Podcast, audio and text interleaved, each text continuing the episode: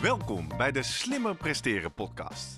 Jouw wekelijkse kop koffie met wetenschapsjournalist Jurgen van Tevelen en ik, middle-aged man in Lycra, Gerrit Heikoop. Over sport, onderzoek en innovatie. Voor mensen die hun grenzen willen verleggen, maar daarbij de grens tussen onzin en zinvol niet uit het oog willen verliezen. In deze aflevering praat ik met Jurgen over pijn is fijn, de melkzuurmythe en de lactaatlaster. Het melkzuur spuit uit zijn oren en mijn benen staan in brand en ik kan mijn armen niet meer optillen van de pijn. Zware inspanning gaat gepaard met het gevoel van stuk te gaan. Maar wat voel je dan eigenlijk? En lukt het ons in deze aflevering om een hardnekkig misverstand over melkzuur en lactaat de wereld uit te helpen?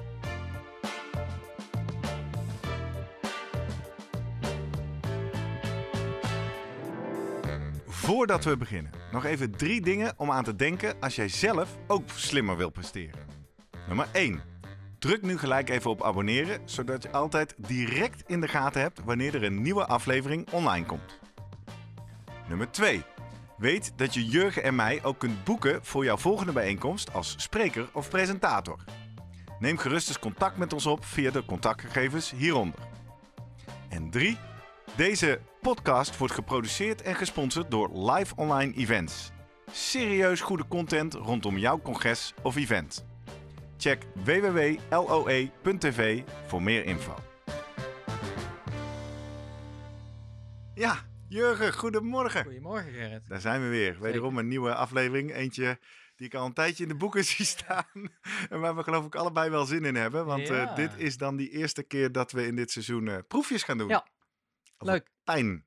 Ik heb de witte jas eh, thuis gelaten, maar eh, de benodigdheden meegenomen. Ja, we, de, we staan hier al wat dingen om ons heen eh, klaar. Ja. Ga je ons zo vast meer over vertellen? Want we gaan op onderzoek in hoe het komt dat zware inspanning zeer doet. Mhm. Daar is een grof misverstand over, wat alle commentatoren op televisie en radio al jaren verkeerd zeggen. Ja, Gaan we proberen te ontrafelen. En we gaan uiteindelijk natuurlijk afsluiten met tips zeker. over hoe je beter met pijn om kan gaan. Maar voordat we dat doen, even aandacht voor iets nieuws. De mensen die onze mailing krijgen. Je kan je aanmelden op onze mailinglijst. Krijg je iedere vrijdagochtend een mail als er een nieuwe aflevering is. Of voor de mensen die ons volgen op Twitter en Instagram, die hebben het misschien ook al gezien. Wij zijn, tromroffel, eh, toegelaten tot het platform Vriend van de Show van eh, Dag en Nacht Media. Misschien eh, ben jij al vriend van de show als je nu zit te kijken of te luisteren. Als je niet weet wat het is, het is de thuisbasis voor de leukste podcasts van Nederland. Nou Jurgen, en daar staan wij eh, in Kijk. dat rijtje, mogen wij staan. Eh wij, wij zijn natuurlijk allebei luisteraar van de Rode Lantaarn Ja. podcast. Jij misschien ook wel. Daar hoorden we daar natuurlijk van. En op dat platform kun je een aantal dingen doen. Sowieso hebben wij daar onze eigen pagina, vriend van de show slash slimmer podcast. Daar zie je ook weer alle afleveringen als ze komen. Daar kun je reageren op afleveringen, net zoals je op onze website kan doen. Ik plaats daar ook altijd even het linkje naar onze aflevering op YouTube. Voor iedereen die eh, nu op Spotify of iTunes of Google Podcast zit te luisteren. Je kan ons ook bekijken op het YouTube-kanaal Gerrit Heikoop.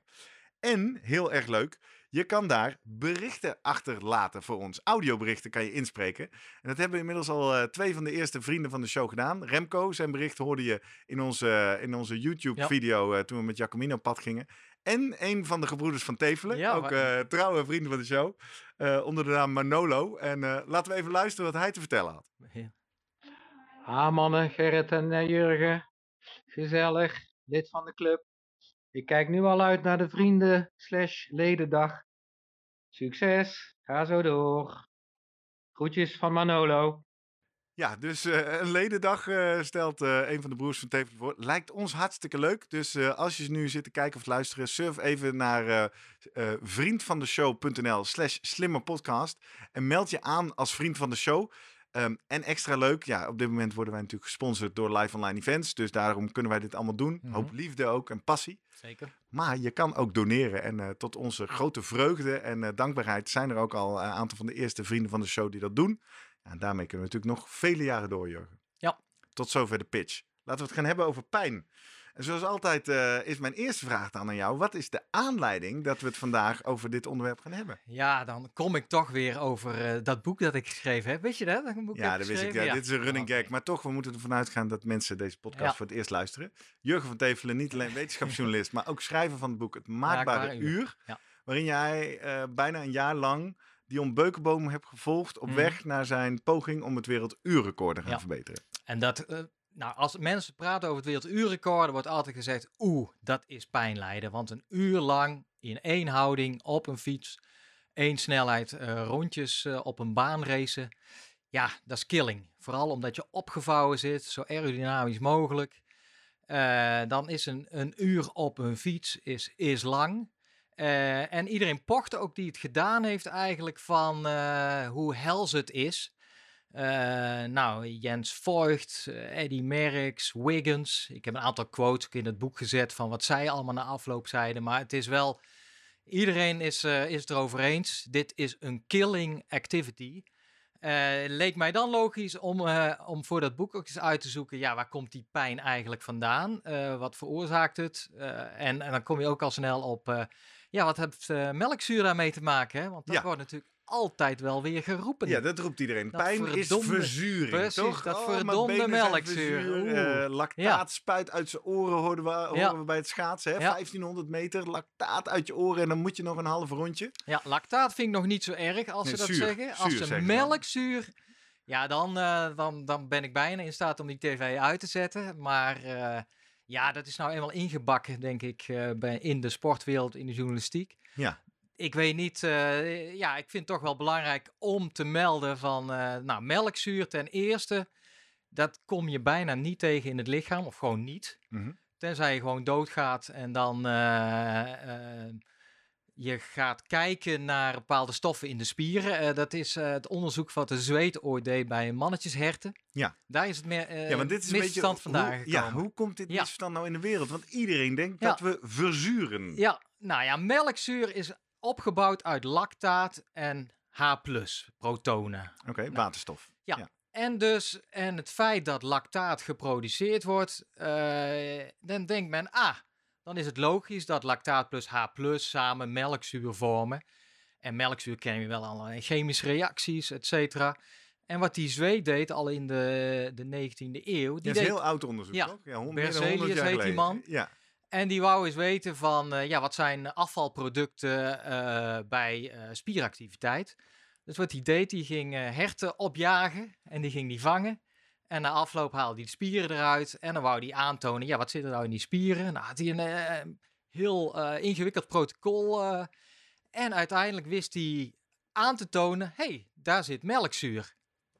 Nou, en daar is eigenlijk het misverstand mee begonnen van... Want eh, hij maakte toen het causale verband. Ik Klopt. heb die herten opgejaagd, zware inspanning gehad. Ja. Ik zie melkzuur in die spieren. Zie ik niet bij herten die ik niet heb opgejaagd. Precies. Ergo. Sterker nog, hij, hij wist een beetje, sommige mannetjesherten lieten zich heel moeilijk vangen. Moest hij langer opjagen en die hadden meer melkzuur. Hij. Nou, is een beetje een, eh, Ja. nou, er is een verband. Ja. En eh, zelfs begin de 20e eeuw, de, de grote Archibald Hill, dat is eh, ja, de koning eigenlijk als je praat over eh, zuurstofopname bij inspanning. Ja. Die man heeft ooit eh, heeft Nobelprijs gewonnen, samen met een Duitser, die eh, over het over lactic acid, over melkzuur. En daar zei ze eh, ja, in de veronderstelling dat er een voorloper is in de spieren. Als die wordt omgezet naar melkzuur, dan wordt energie eh, gegenereerd. Nobelprijs. Oké. Nou, En dat is, Wederom vele jaren geleden. ja, dat is 1922. Ja. Nou, en dat is eigenlijk gewoon blijven hangen. Terwijl eh, langzaamaan toch duidelijk werd, ja, maar melkzuur zelf, wat bij die Berzelius de fout is ingegaan, die heeft in zijn hele reactieprotocol, heeft hij allemaal stofjes toegevoegd. En is op een gegeven moment, heeft hij ervoor gezorgd dat lactaat met H+, ging binden en er melkzuur ontstaat. Maar dat is juist niet iets wat gewoon in het normale lichaam gebeurt. Ah, Dus lactaat wordt geproduceerd, H wordt geproduceerd. dat is allebei waar. Dat is allebei waar, maar die gaan niet samen een, die komen niet uit melkzuur. En die gaan ook niet samen een bondje aan om weer melkzuur te produceren. En, en rond welke tijd kwamen we daar achter? Dit is denk ik jaren 60, 70. Kortom, weten we ook al heel Ja. erg lang. Maar dat, toen zat lactaat nog echt in het verdomhoekje. Nou ja, goed, melkzuur of lactaat, whatsoever. Hè. Ik Ja. bedoel, eh, lactaat is dan de boosdoener. En eh, nou, dat kennen we ook, het lactaat prikken vroeger bij wielrenners, bij schaatsers. Gebeurt nu toch ook nog wel? Ja, ben ik inter- een ge- lactaatdrempel Ja. omhoog krijgen. Dat geïnteresseerd ook. eh, moeten we straks even aan Vroemen vragen als, die, als we met Ja. hem gaan zoomen. Ja. Kijk er nu al naar uit, ons eh, itempje met hem. Eh, wordt altijd gezegd, nou, als je die lactaatdrempel inderdaad overgaat, nou dan, ja, dan hou maar op. In ieder geval, dan gaat het pijn doen. Eh, dat is niet goed. Lactaat moet je vermijden. En even voor de luisteraars die daar niet zo ver ingevoerd zijn. De lactaatdrempel zou het moment zijn. Hè, eh, ook, het wordt ook wel het moment tussen aeroop en anaeroop eh, sporten. Mhm. Oftewel, onder je lactaatdrempel is je lichaam in staat om dat geproduceerde lactaat door je bloed af te voeren. Ja. En op het moment dat je die drempel voorbij gaat, wordt er zoveel lactaat geproduceerd. dat je lichaam niet meer in dezelfde hoeveelheid dat af kan voeren. En dan zou je verzuren. Ja, Anaerobe drank, ben je zo klaar. Ja. dat klopt. En dat heeft inderdaad te maken met eh, lactaat wordt geproduceerd bij de anaerobe verbranding. Dus dat betekent eigenlijk dat er te weinig zuurstof je lichaam binnenkomt via je longen en je hart rondgepompt. En dat eh, jouw spieren zeggen, ja, we hebben, moeten meer energie maken. Kunnen En we dan- doen. Dat gaan met name die krachtige eh, witte spiervezels eh, doen. Die type 2 hebben we het eerder al over gehad. En die produceren dan als eh, ja, eindproduct lactaat. Oké. En er werd altijd inderdaad gezegd, nou, als je lactaat kan afvoeren, prima.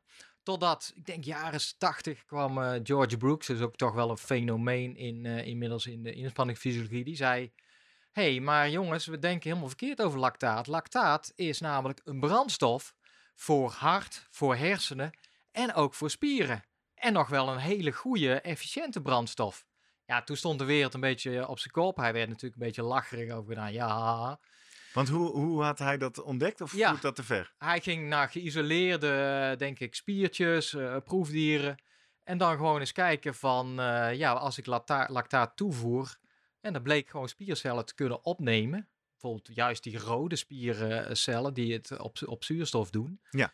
Eh, spiervezels. En hij zag gewoon dat het eigenlijk nog eh, een hele efficiënte brandstof is. En dus hij poneerde het, con- het concept van de lactaat shuttle Mhm. waarbij je eigenlijk lactaat geshutteld wordt vanuit je witte spiervezels naar je rode, naar je hart, naar je hersenen en eigenlijk gewoon een prima brandstof of is, waarbij hij eigenlijk ook zegt dat het eh, zelfs ja, een normaal onderdeel van je, je metabolisme is. De, de- er wordt altijd gedacht, ah, als we eh, een beetje rustig aandoen, is het allemaal aeroob, Ja. geen lactaat. Maar hij zegt eigenlijk, eigenlijk zijn die twee, het is niet zwart-wit. Je hebt altijd, wordt lactaat gewoon eh, geproduceerd. Is ook goed, heeft bepaalde gunstige eh, eigenschappen ook. Alleen, ja, op een gegeven moment, dan wordt een beetje die mix gaat, neigt meer richting de anaeroop. Eh, en dan lukt het het lichaam niet meer om die, eh, die lactaat echt steeds op te nemen. Ja, en dan dat zie je als een stijging in het bloed. Nou, Ja. en, dat, en dat wordt wel geassocieerd, en dat is wel, maar dan praat je over associatie, met, nou ja, eh, pijn, of in ieder geval, ja, vermoeidheid. Ja. En dat, maar dat is hetzelfde als je, je zou net zo goed je hartfrequentie kunnen meten. Die gaat ook omhoog. Zou je ook kunnen zeggen, ja, dat is de veroorzaker van, eh, eh, van pijn lijden op de fiets. Ja. Dus het is een beetje van, wat doet dat de lactaat? Is lactaat eigenlijk, zorgt dat voor pijn of voor vermoeidheid? Eh, en dat is wel een interessant experiment, vind ik. Daar hebben ze lactaat gewoon ingespoten bij mensen. Oké. Dat In, gaan we in niet de doen. spieren. Nee, dat Ja. gaan we niet doen vandaag. Hè? We gaan In, wel een proefje ja, doen, maar en niet, nou, gewoon in een duimpje. Ja. In, de, in de duim, in de duimpjespier. En dan gezegd, oké, nou, als lactaat dus de veroorzaker is van pijn. pijn, dan moeten we dat eh, terugvinden. En hebben zij bij mensen eh, gevraagd van, nou, geef eens aan wat je voelt. Hè? En uh, lage dosering steeds hoger. Eigenlijk voelden ze niks. Hmm. En het idee is wel van afvalstoffen worden geproduceerd, zoals lactaat. Maar nou, spier produceert heel veel eh, afvalstoffen. Eh, en die komen in de spier eh, in contact met zenuwuiteinden, Ja. eh, sensoren. En die zenden signalen naar jouw hersenen. En die geven dat gevoel van vermoeidheid, pijn, waarmee je zegt, ah, het lichaam weer, ik moet de, rem indrukken. Ja, want ik zie nu, ik, ik, ja, ik neem waar dat er veel lactaat is, dus Ja. dat moet pijn doen. Ja. En, en dus het, het- heeft een functioneel iets, hè? Dat, dat, dat je pijn gaat krijgen. Want het zorgt zegt eh, eh, tegen jouw hersenen rustig aandoen. Want voor het weet gaan we dingen beschadigen. Ja. Eh, lactaat gebeurde niks met die duimpjes. Eh, maar wel als hij nog eh, anorganisch fosfaat, ook een afvalstofje. En volgens mij ADP is een adenosine difosfaat ook nog.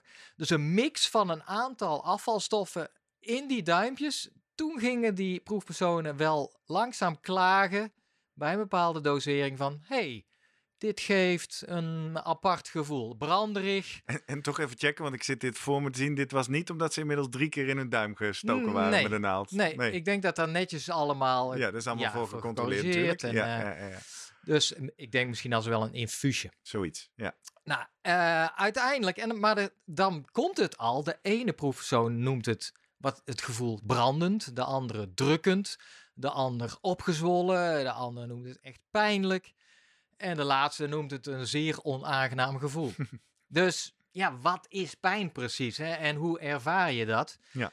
En dat is denk ik wel iets wat we dadelijk ook eens even gaan testen. Want eh, wij fietsten laatste en eh, ik vroeg expliciet aan jou, Gerrit, ga eens eh, bij die Amerongse berg. Nou, we gingen er redelijk vol op. Jij vooral, want jij, jij Tweede, start, tweede snelste tijd ooit, zag ik. Ah, ja, ja, ja, jij start nogal hard, Ja. eh, hou je van. Dan ga je uit, uit het zadel. Ja. Dus ik zei tegen jou, Gerrit, en eh, wat voel je nou eigenlijk? Hè? Voel je pijn of... eh, wat was toen jouw antwoord? Ja, ik moest bekennen, ook omdat we dus zo bewust daarmee bezig waren op weg naar deze aflevering. Ja, het, het is op dat moment een onaangenaam gevoel. Ja. Ja, meer kan ik Ja, niet noemen. ja, Pijn ja. is het niet. Ik vind, eh, ik een heb, onaangenaam vind ik wel zo mild eigenlijk. ja, Ik dat bedoel, vond ik ook schokkend. ja, jij, goed, Ja. kotsend kwam jij niet die Helemaal berg op. Helemaal Maar, niet, nee. En jij vroeg, ik had in die tijd een, eh, ik heb mijn trommelvlies gescheurd. Ja. En eh, nou, nogal pijnlijk. Zei je, wat is Ja. erger, trommelvlies scheuren Ja. of de berg op fietsen? Ja, natuurlijk trommelvlies scheuren. Maar, dat deed mij wel beseffen. Kijk, die trommelvliesscheuring of ook een, een snee of een breuk of weet ik veel. Is natuurlijk veel ergere Ja. pijn, maar heel lokaal. Hè, dus, oh, mijn oor doet pijn. Ja. Terwijl dit, werd ik daardoor bewust door die vraag, zit overal. Ja. Het zit in je bovenbenen, het zit een beetje in je kuit. Ja, het zit een beetje omdat je ademhaling en zo omhoog gaat. En dat maakt dat in je kop, daar hebben we hem, ik dan heel erg een sensatie krijg. Hou hier eens Ja, mee ja. op, joh. Dus het zijn niet eh, zozeer de benen, het is gewoon de combi van allerlei... eh, ja, en dat, maar dat geheel samen leidt wel tot een punt van ik kan niet meer. Dat hebben we toen niet in één keer Amerongse berg eh gehad. Maar ik moet jou wel bekennen, heb ik jou niet verteld. Op een gegeven moment gingen we natuurlijk, we zijn ruim 2,5 uur weg geweest. Ja, Ik hou er dan van dat ze toch de expres niet te eten. Dan denk ik, nou, trek maar even die hele glycoseemvoorraad leeg. ja. kan je jou vertellen, in het laatste half uur had ik moeite op een gegeven moment om je bij te houden. En toen dacht ik ook, wat is dit nou? Is dit nou pijn? Ja, weet maar Ja. dan kun je inderdaad het gewoon niet meer geven. Ja. Of zo, hè? Nou, en dat is ook een goed, eh, goed punt, want ja, je hebt, je hebt pijn die je al redelijk snel optreedt, als je gewoon te snel die Amerongse berg Ja, dat is opgaat. dat anaerobe waarschijnlijk, denk ik Dat, is, eh, dat wordt inderdaad, maar alhoewel lactaat is het waarschijnlijk niet. Er zijn steeds meer aanwijzingen dat het inderdaad in die eh, anorganisch fosfaat zit, in combinatie met ADP.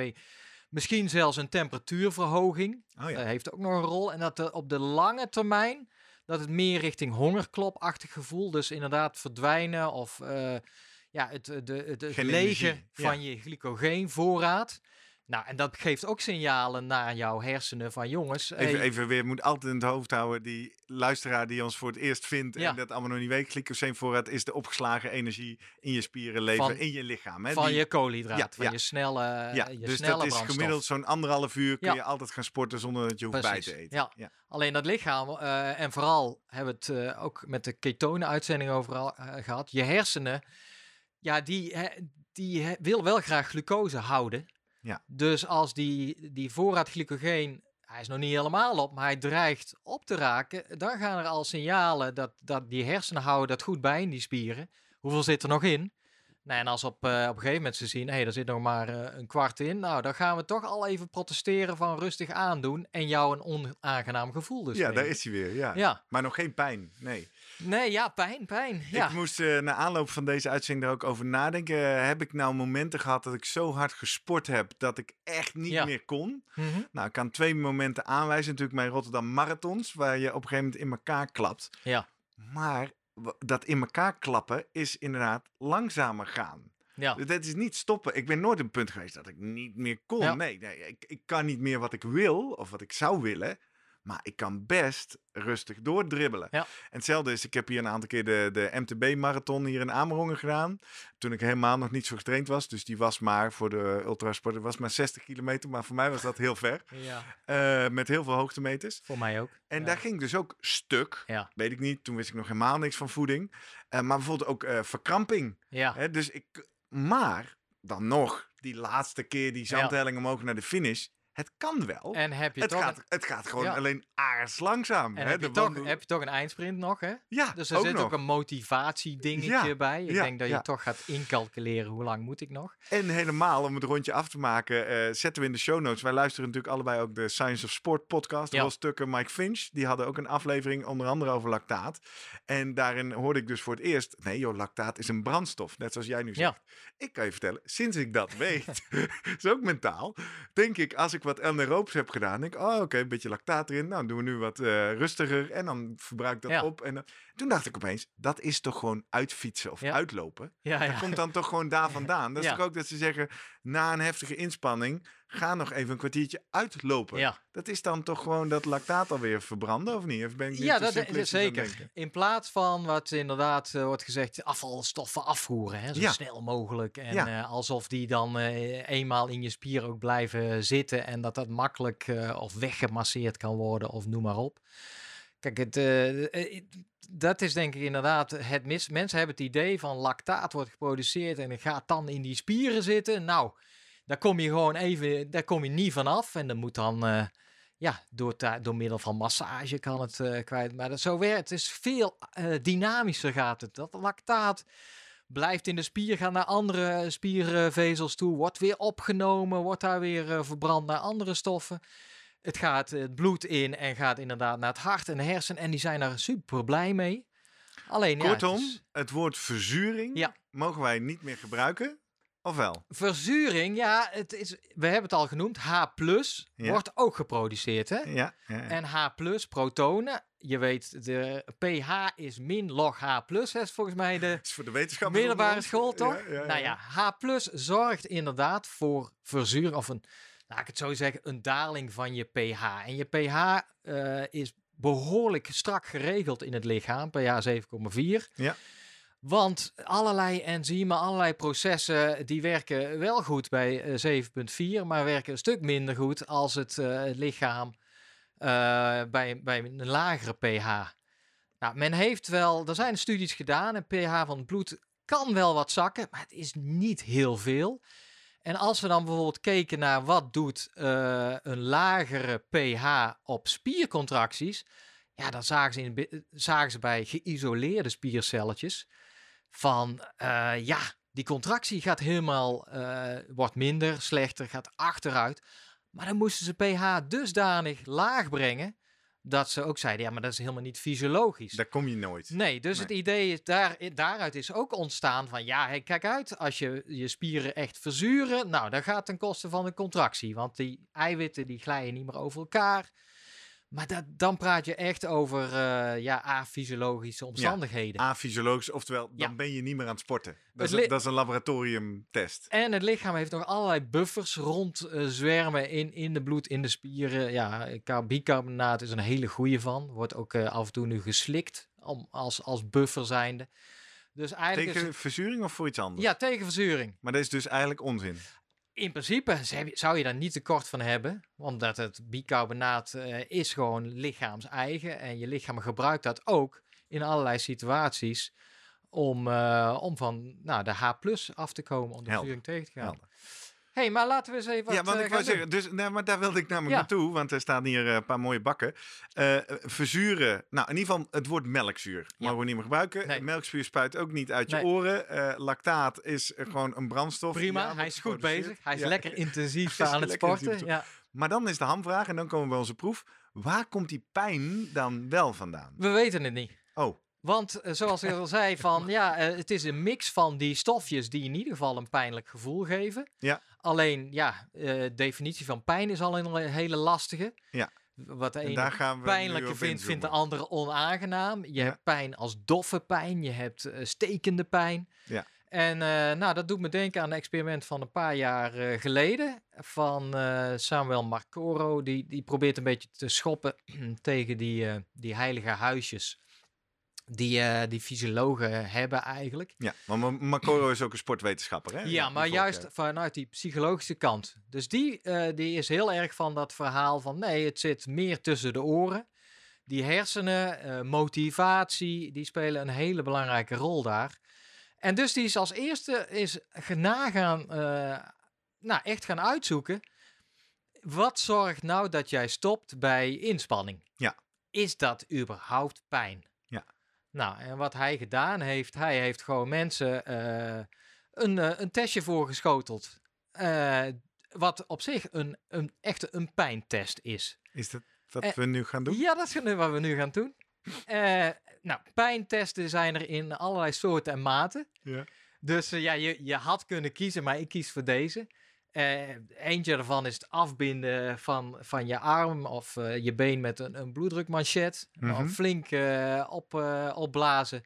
Dat je boven je bloeddruk zit, je 200 mm kwik of zo. En dan, nou, het liefste nog met armbewegingen. Dat gaat pijn doen. Had ik ook voor kunnen kiezen. Had, gaan we dus niet doen. Fijn. Heel erg verwarmen, je arm. Al elektrische stroompjes toedienen. Gaan we ook niet doen. Nee, dat Fijn. zijn allemaal dingen die je liever niet wil. Maar wat staat hier wel voor onze Ja, luisteraars? Beschrijf het even. Nou, De hebben- Kijkers op YouTube zien het misschien al. ik heb een emmer met eh, heel koud water. En ik heb twee bakken gevuld met ijsklontjes. Ik heb Ja. vanochtend echt eh, mijn best gedaan om alles De uit vriezer leeg te eh, trekken? Ja. Ja. En nou, Nou, pak de ze er maar challenge bij. die we gaan doen en die eh Marcoro ook eh Ja, deed zet hem hier, eh, dan is hij voor de kijkers op YouTube goed in beeld.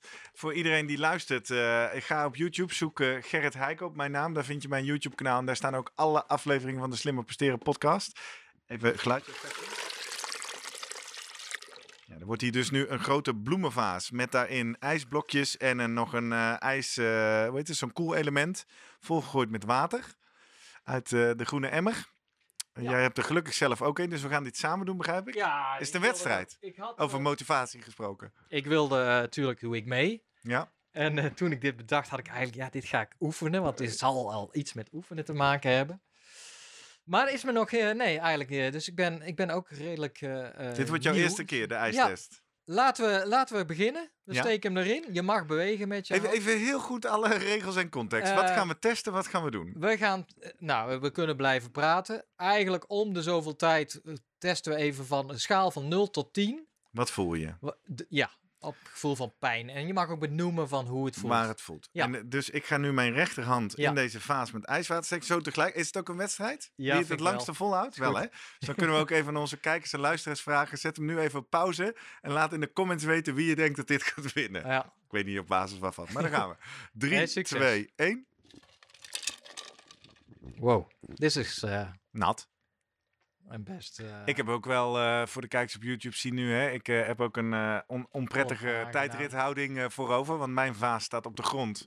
Jij hebt de vaas comfortabel. ah, ik vind het nu al irritant. Ik Ik, vind ik nu heb nu de ja. eerste prik om hem terug te halen. Misschien is het kouder als, als ik had gedacht. Het ging om rond de 0 graden in het experiment. En zij hielden dat Ah. toch best wel lang vol. Ik ben ook een, een piepend Ik- ben ik wel hoor. nu Ik wil er al uit. Ik wil eruit Ik zit er ook al. Maar Maar ik ja. kan het gewoon niet doen. Maar dat je betekent denkt wel... van, op een gegeven moment wen je eraan. Ja. Ik kan snel, slecht tegen kou. Eh, ik moest denken laatst aan, eh, ik ging zwemmen in dat bosbad. Ja. En ik weet nog de mailwisseling van tevoren. Ik ga trouwens eh, stoppen, Gerrit. Echt? Ja. Nu al? Ja. Hoe Maar ver ik ga ben nog we? even dan. Ja, maar ik kan gewoon slecht tegen... en wat het gevoel, het is een beetje, is grappig hè, want beetje je, dof, een beetje warm. als je alleen was geweest was hij er al uit toch? En ik zeg echt en je Ja. blijft zitten. Hebben het Ik zo vind ook het over. niet leuk, Ik ook niet. Ik vind het helemaal niet fijn. En nu begint even eh, gaat duiz- door mijn hele lijf zitten nu. duizelen, Ja. duizelen in mijn hoofd. Het zit in mijn schouders, het in mijn Ik benen. wil- We beginnen nu allebei ook raar te bewegen Ja, hier op de er bank. een soort tussenfase. Dan denk ik, ah, misschien, misschien... eh, Ik zit nu maar op één ding te wachten, kan ik jou vertellen. En dat is, Jurgen, trek hem eruit, dan ga ik ook. nee, ja, maar, nee, ik heb Want het ik nu wil winnen. Ik wil winnen. Nee, maar ik ging laatst eh, zwemmen en jij had, eh, toen vroeg iemand, moet je dan een pak aan hè, bij dat bosbad? En jij zou toen doodleuk, ach joh, er wordt verwarmd, et cetera, in heb de, ik nu ook. in de groep. En toen dacht ik, nou dan, eh, dan ga ik ook zonder pak. En ik moet zeggen, het was een prachtige avond, 22, 23 graden nog. En ik moest er toch na 35, 40 minuten, eh, ben ik eruit gegaan. En ik was echt niet de enige. Ehm, moet ik zeggen, ik, ik, ik, het gaat weer beter met me nu. Nu ik dit verteld heb. Uh, ik ben gewoon even, mensen op YouTube zien, ik ben gewoon even afgehaakt. Ik heb mijn ogen dicht gedaan. Ik heb mijn hoofd op mijn schoot gelegd. Ik wil niet meer. Maar ja, het is, het kijk, het is natuurlijk gewoon een beslissing, hè? Ja, zeker. Het is een beslissing. Hou je hem erin of hou je hem eruit? Ja. Alles scheelt, haal hem eruit. Maar ik doe het gewoon niet. Herken jij nou iets van de pijn die je voelt als jij aan het fietsen bent?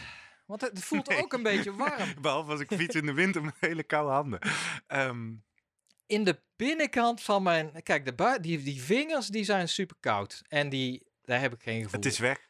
Dit is grappig. Het is ja, weg. Ik ben opeens die, klaar. Die binnenkant, even die voor de luisteraars. een beetje warm zelfs. Beetje. Ik, ik, heb hem gewoon nog erin. Het is weg. Ik ging even heel diep. Ja. En nu is het klaar. Ik kan nu, ik heb nu, ik nou, kan nu een uur blijven zitten.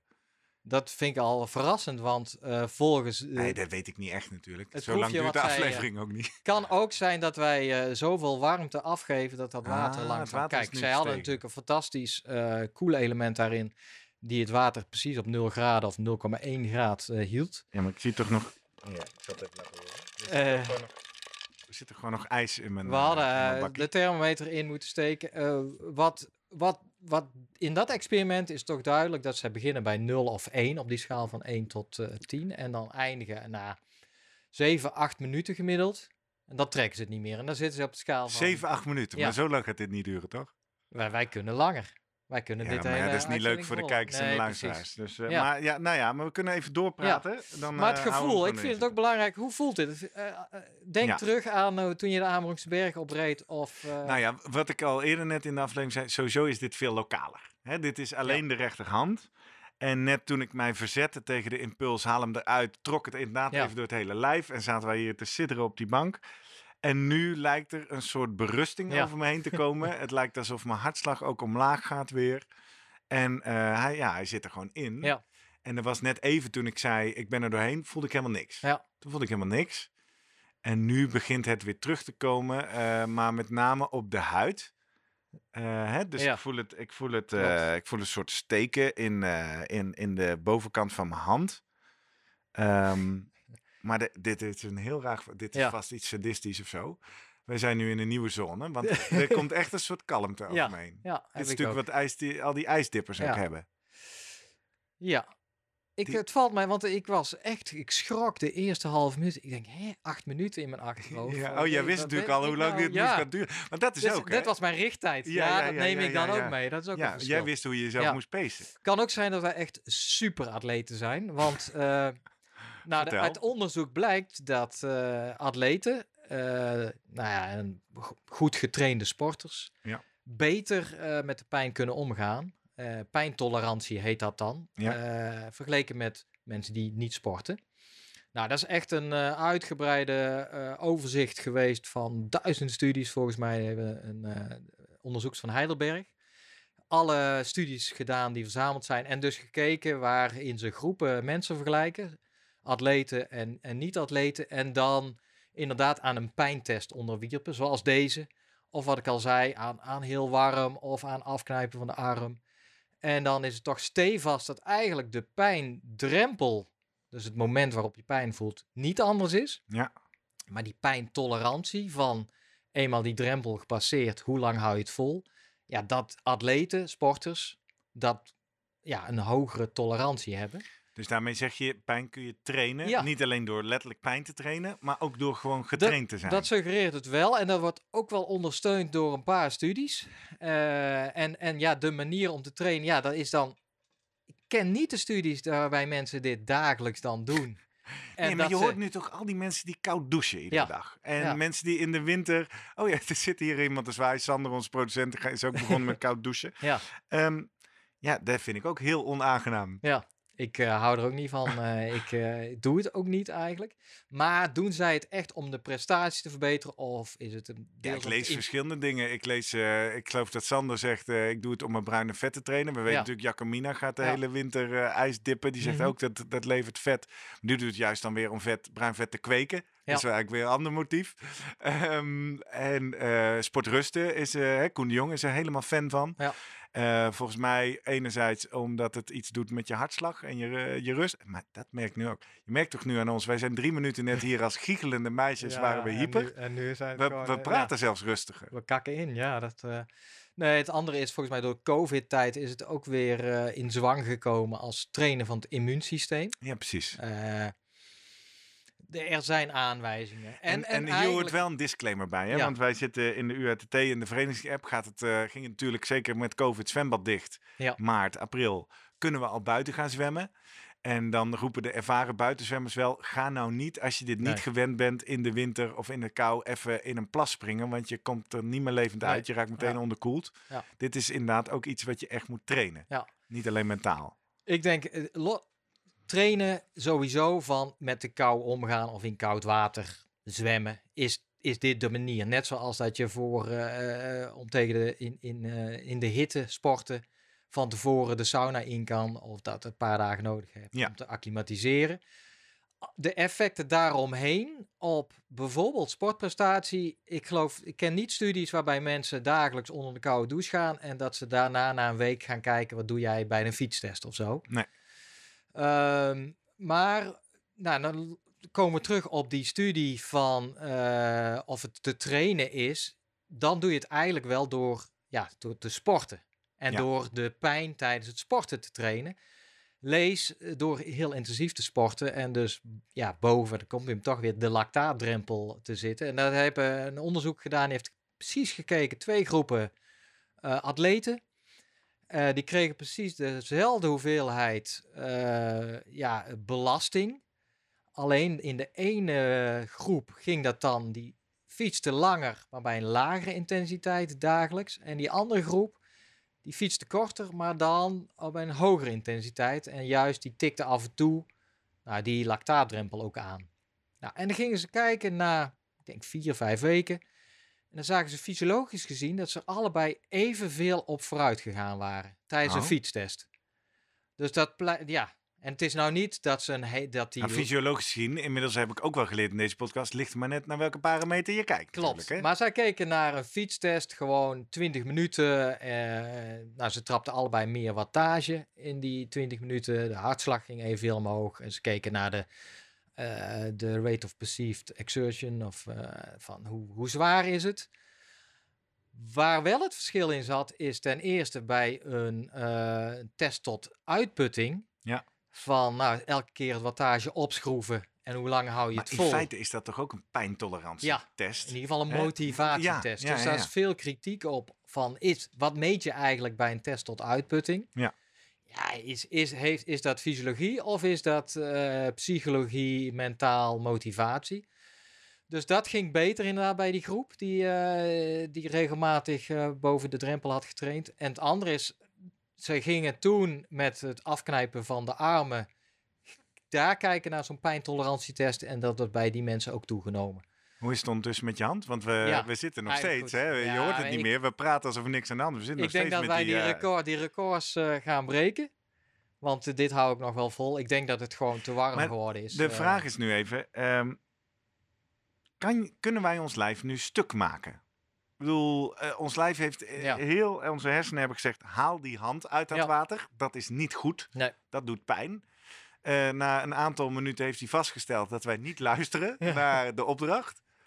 Ja, Eh, nou ja. Nu kan je natuurlijk zeggen, Ja. straks zitten wij eh, met de lunch, moeten we Sander vragen om onze boterhammen te smeren, Ja, want die het- hand is gewoon kapot. Het kan, maar dan gaat het, eh, als het echt kapot gaat, dan gaat het lichaam toch wel straks, mocht het echt zo zijn, met andere manieren protesteren. Wat gaat er dan gebeuren met ons? Ik, ik, andere sensaties, misschien ga je, enorm, je gaat misschien van nature al wat tintelen, daar wat, wat warmt. Heb ik nog niet eigenlijk. Eh, ja, en ik denk dat het lichaam het toch prima vindt. Ik, wa- wat ik denk, ja, we hebben de thermometer niet, is dat het eh, gewoon eh, iets, ja, misschien 1, 2 graden inmiddels is. Wat moeten we wel denken van, vind ik ook een interessant experiment. We hebben ze de pijn eigenlijk uitgeschakeld door een pijnstiller in Oh, het ja. ruggenmerg. eh, het, Zal ik je eh, wat verklappen, Jurgen? ja? Ik heb vanmorgen paracetamol... Nee, nee, nee, klets, niet waar. Had ik natuurlijk wel kunnen doen. Ja, Ja. vertel, wat ja, gebeurt er? ik heb een placebo Want, nee, maar nee, ja, Ja. precies, ja, paramater. maar eh, je leest toch nu ook over al die topsporters zitten allemaal aan de paracetamol, toch? Klopt, de la- laatste Duitse studie onder voetballers. Nou, volgens mij is het 60, 70 procent. Ja, die, pijnstillers als Smarties. Is dat een goed idee? Nee, dat is eh, geen goed idee. Vooral als het wat zwaardere zijn, omdat die... eh, ja, kijk, je hebt deels iets van... eh, nou, waar we het al over hebben. De pijn is functioneel. Het behoedt je voor schade aan het lichaam. Nou, door dat uit te schakelen...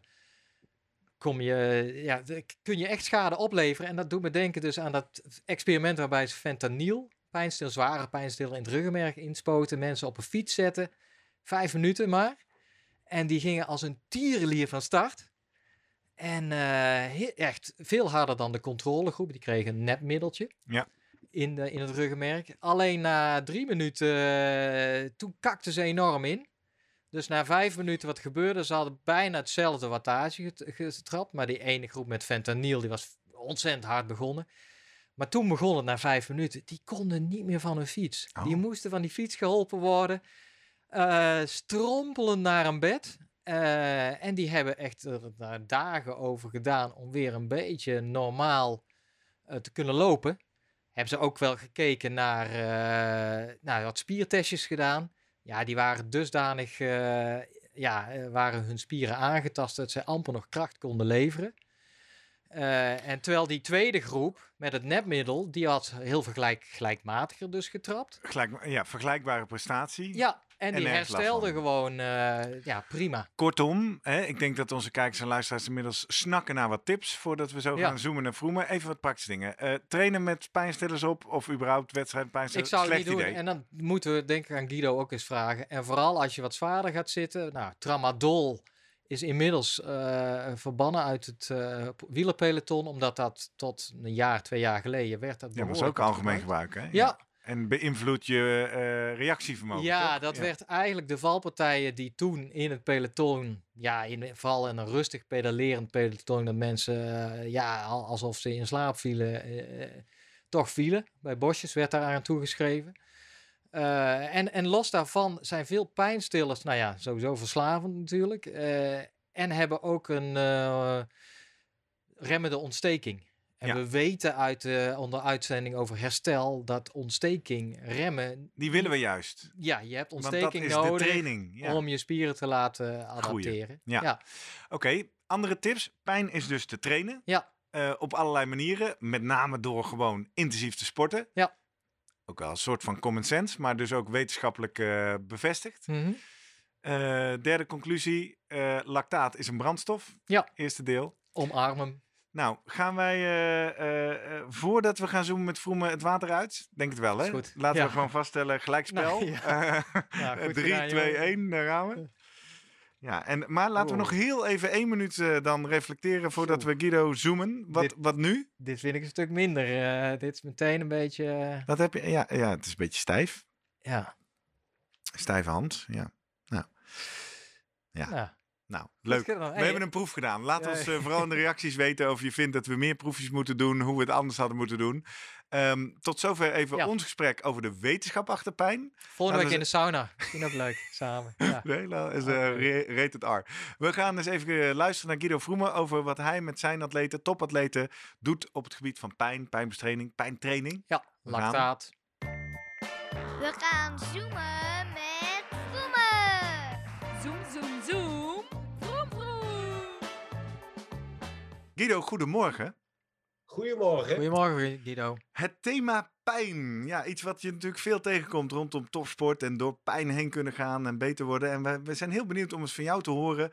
Wat betekent dat thema voor jou als trainer, coach? En, en hoe maak jij je atleten eh, meer pijnbestendig? Ja, dat, dat merk je wel eh, aan de atleten zelf. De ene ehm, ehm, kan er wat beter tegen, of die, die is er ehm, wat meer op gefocust om daar eh, nou ja, meer pijn te kunnen leiden dan de ander. De, de, de ene gaat echt, die moet je echt afremmen, want anders zou die zijn gezondheid bijvoorbeeld scha- schaden. die gaat gewoon zo ver door, want die, eh, ehm, nou ja, dan zouden we zeggen dan een hoge pijngrens. Ja. Terwijl de ander al denkt, eh, nou, ik vind dit wel genoeg, meer hoeft niet voor mij. Ehm, maar ja, dat, daar kom je natuurlijk ook niet verder. Je moet eh, voor je nou ja, topprestaties te bereiken, moet je natuurlijk bepaalde nou ja, grenzen over. Ehm, maar niet heel ver. Je moet ze niet echt zo ver overschrijden ehm, dat je denkt, ja, ik, ik heb wel pijn, maar dat moet ik allemaal negeren, want ik moet mijn doel halen.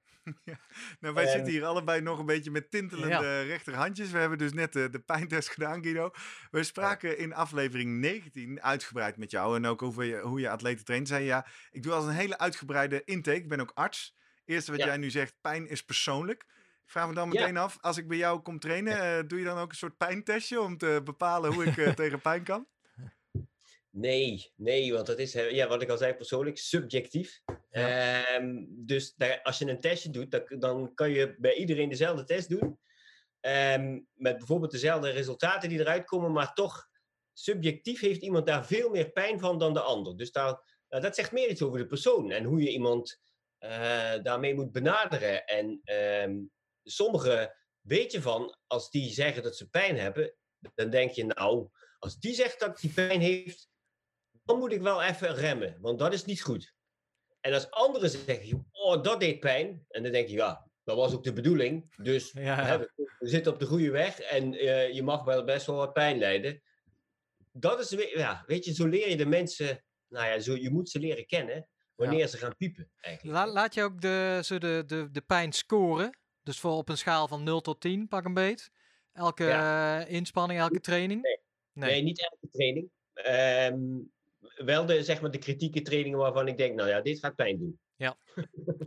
dat, dat is het. Hè. Weet je, als je iemand een, een lange duurtraining, of bijvoorbeeld twee uur fietsen, of, eh, dan denk ik, ja, dat, dat, is niet te dat zal niet heel veel pijn gaan doen. Dan kan hij nog steeds wel dat gaan scoren, maar dat is voor mij, Ja. en dan verwacht ik niet dat daar een hele hoge score uitkomt.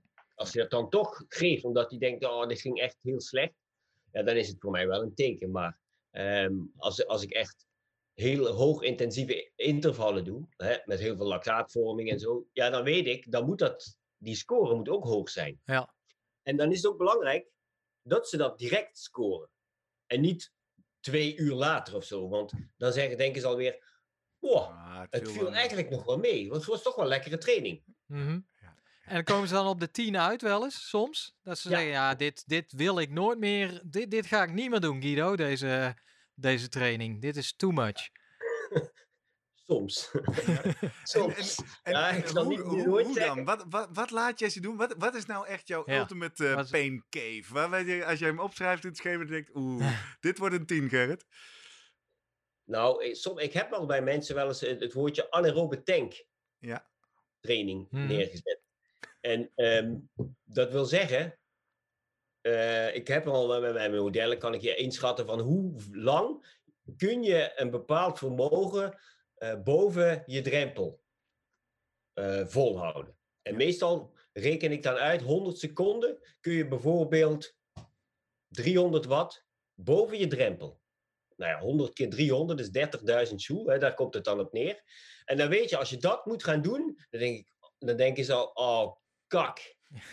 dit gaat pijn doen, want ik weet, dit, dit moet ik echt uit mijn tenen halen, wil ik dat überhaupt voor elkaar krijgen. Ja. En dan weten ze al, nou ja, als dat er staat, dan denk ik, oh, dit wordt heel vervelend. Bied je ze dan ook nog trucjes aan? Of eh, ken jij mensen die trucjes eh, toepassen bij dit soort trainingen? Dat ze weten, nou op die manier Ja. kan, ik, kan ik die anaerobe tank training toch Ja. volhouden zonder dat ik eh Ja, ja, ja, ja. ga gillen van de pijn. Nou ja, eh, om niet te zeggen de koning van, van nou ja, trucjes zijn het niet, maar wel slimmigheden. Ja, Nou, daar gaat het Eh, hier over in de slimme ja, ja, ja, precies. die horen we Ja. graag. Ja. En nou ja, dat is, een voorbeeld daarvan is Jeroen van Eck. Mhm. Jeroen van Eck is eh, eh, Nederlands kampioen, eh, voormalig Europees kampioen, eh, World Cup leader van de X, eh, XCE, dus de Cross Country Eliminator Races, mountainbike. Ja. Dus die gasten moeten altijd eh, vier marches rijden, knetterhard met obstakels en alles. Een soort BMX met, gro- met mountainbikes van twe- 29 inch wielen. Dus die moet ook gewoon keihard, kort en keihard kunnen rijden. eh, maar hij gaat altijd van tevoren, als hij die training ziet, bedenken van hoe kan ik die nou het beste gaan aanvallen? Moet ik gewoon hè, niet nadenken, volle bak gaan rijden? Of kan ik hem ook gewoon wat rustiger invliegen en dan eh, eh, eh, op een redelijk gelijk vermogen blijven trappen, zodat ik niet meteen alles in het begin verschiet? Dus die gaat verschillende scenario's gaat hij dan ook uitproberen en nou ja, achteraf bekijken van ja, wat beviel hem nou het beste? Ja, waar was hij nou het snelste bijvoorbeeld? Eh, soms zeg ik dan ook, eh, je mag nu niet nadenken, ik, ik verplicht je nu gewoon vanaf minuut of vanaf seconde 1 voluit. Ja. Je zegt dus, eh, ik, ik geef af en toe Jeroen expliciet opdracht om voor een vol gas te gaan. Mijn vraag aan jou is, wat is het voordeel om zo inderdaad gedachteloos meteen die meter helemaal in het rood te drukken? Ja, niet zozeer fysiologisch, maar wel mentaal. Weet je, in, eh, in wedstrijden eh, gebeuren rare dingen soms. eh, en bij- in die wedstrijden van hem gaat het om secondes. Ehm, het is heel, je hoeft maar even ergens een fout te maken en eigenlijk is de wedstrijd al weg. Bam, klaar. Je kunt niet meer terug eh, en het is over. Dus je moet bepaalde scenario's ook van tevoren eigenlijk wel eens nou ja, meegemaakt hebben. Hè? Hoe voelt het als ik nou helemaal kapot ben? Kan ik dan nog wel wat? Of kan ik gewoon het risico nemen van, bam, ik ga nu keihard. En je ziet wat er gebeurt. Ik, ik val helemaal niet stil, want dat is vaak, hè, nou ja, daar waar ze bang voor zijn. Als ik nu keihard start, dan ben ik nou, hè, eh, halverwege ben ik gewoon kapot en dan kan ik er gewoon niet meer. Dan komt iedereen eroverheen. Ja. En dat is dus niet zo. Dus alle scenario's ga je eigenlijk gewoon testen. Alles. Ja. eh, Oké. Ja. Ja. Even een stapje meteen naar ehm, tijdritten en triatleten. Die, eh, nou ja, en dan denk ik meteen Kai Reus. Gefeliciteerd eh, met jouw eh, coachschap hè, van Kai. Ja. Daar kijk ik natuurlijk eh, ja, zeer, eh, zeer naar uit. Hoe, hoe hij dat gaat, gaat doen. Even voor onze kijkers en luisteraars die niet zo nauw Guido en jou op Twitter volgen nog. Eh Jurgen heeft natuurlijk een boek geschreven Ja. over het werelduurrecord. En Guido, jij bent nu toegevoegd aan, Aan het team van Kai Reus. Die aan de slag gaat om dat werelduurrecord eh, wederom aan te vallen. Kijk, Ja, dat, ik, zat, ik zat al in het team als ehm, performance manager, zeg maar. En ehm, nu ben ik dan zeg maar eh, nu ook ho- eh, nou, maar, trainer geworden. Hè, dus ik bepaal nu ook wat, eh, wat Kai moet doen. de- het werelduurrecord is, wordt natuurlijk geassocieerd als zijnde het record van de pijn. Ja. Omdat het toch een uur lang op die drempel, misschien wel iets erboven, eh, de- in een houding, in een onmogelijke aerodynamische houding. Kai Reus, hoe eh, traint hij dat? Eh, en, en heeft Die hij pijn daar- specifiek bedoel je? Ja. ja. die pijn? Eh, ge- begeleid jij hem daarin of ehm, heb je, is daar nog iemand anders voor in de race?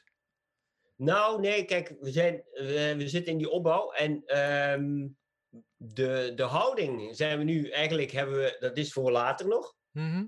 Ehm, als we echt die fiets helemaal klaar hebben en ook die houding geoptimaliseerd.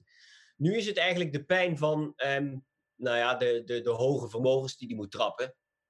En die, is- die, nou ja, dat krijgt hij eigenlijk van mij dan. Want ik doseer zeg maar de blokken van, nou ja, je moet eh, nu dit blok 10 minuten doen. En daarna twee minuten moet je nog extra doorschakelen om er nog eens even een schepje bij te doen. En dan heb je weer 15 minuten pauze. En dan krijg je weer hetzelfde voor je kiezen. Mhm. En zo worden die blokken eigenlijk steeds nou ja, wat, wat langer en wat zwaarder. Ehm, en zo moet hij ook wennen aan ehm, de pijn die dat met zich meebrengt. Kijk, als je het in het begin vijf minuten doet, dan denk ik, nou, het viel wel mee, hè? dit is nog wel te doen. Op een gegeven moment bij 10 minuten dacht hij van, nou ja, die laatste drie minuten waren wel erg vervelend aan het worden. Want dan was het wel echt de brandende bovenbenen. Dus de Nou, pijn, pijntolerantie te- ga je eigenlijk gewoon trainen op die manier. eh, dat hij Ja. gewoon langer en uiteindelijk een uur lang met eh, brandende benen. Ja, weet je, als je een uurrecord gaat rijden, dan zul je de eerste 10 minuten denken, nou ja, ik heb nog geen pijn, hè? Ja. Dat is tenminste, als, dat is wel de bedoeling, want anders gaat het niet goed. Hey, Maar dus- na een half uur denk je echt, "Hmm, dat gaat niet goed. Nou, En dan door. Maar eigenlijk hoor ik je dus zeggen, en ook Jurgen eerder in de, in de wijsheden, pijn eh, is elastisch. Kun je afstompen, kun je trainen, vaker naar die plek en dan wordt pijn allemaal relatief. Heb ik nog wel een, een fundamentele vraag. Als je dat aan zou hangen, dan zou je voortdurend, wat we eigenlijk net ook bij de ijstest merken, gewoon bewust dat signaal van je lichaam, haal die hand uit het ijs, uitschakelen. Jij zei net al even, Guido, sommige atleten kunnen zichzelf echt kapot maken. Wat is jouw advies? Hoe, hoe ga ik herkennen wanneer het pijn is waar ik doorheen moet drukken en Ja. wanneer het pijn is dat ik zeg, ho, ho, ho, ho, nu gaat er echt iets mis? Dat is een lastige, ja. Dat is voor mij ook lastig nog steeds. Om, en ja, voor mezelf, eh, nou, in mijn eigen sportcarrière, was het zelf ook lastig voor mezelf te beoordelen van, ja, dit had ik niet nou moeten doen. En Ja. hier ben ik te ver gegaan. En voor anderen is het, nou, daar heb ik wel, nou ja, redelijk geleerd. Maar belangrijk is eigenlijk wel, ehm, zeker als het pijn is wat, wat je hebt vanuit blessures.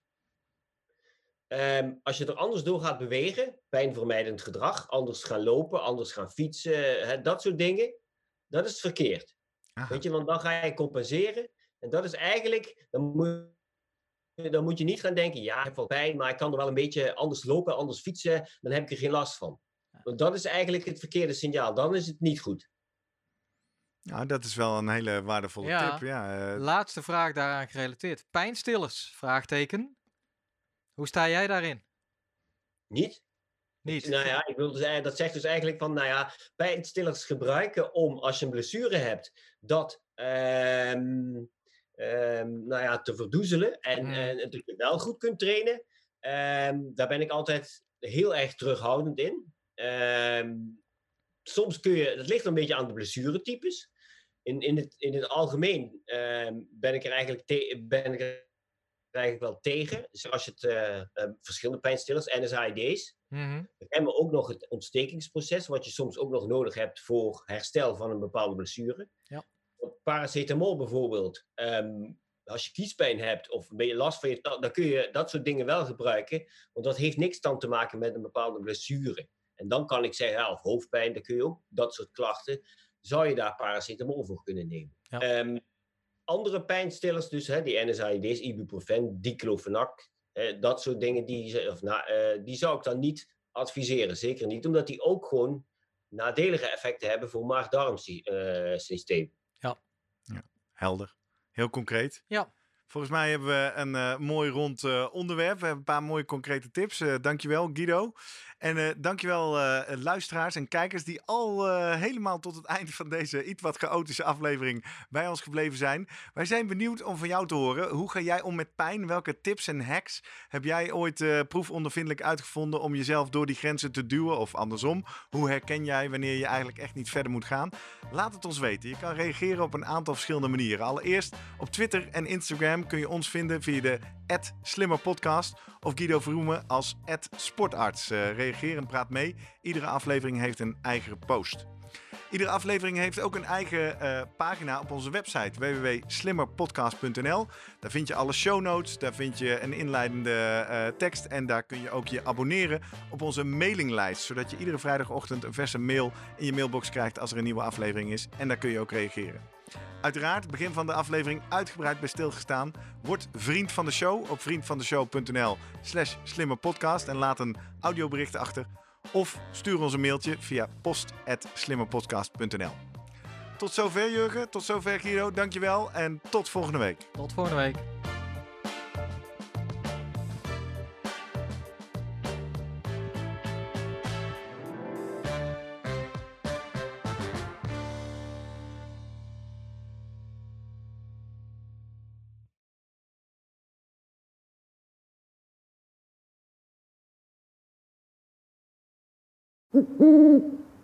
Hey. Voordat je weggaat, denk er nog even aan uilentorenloop.nl. Dan zien we je de eerste zaterdag van juni. Tot dan!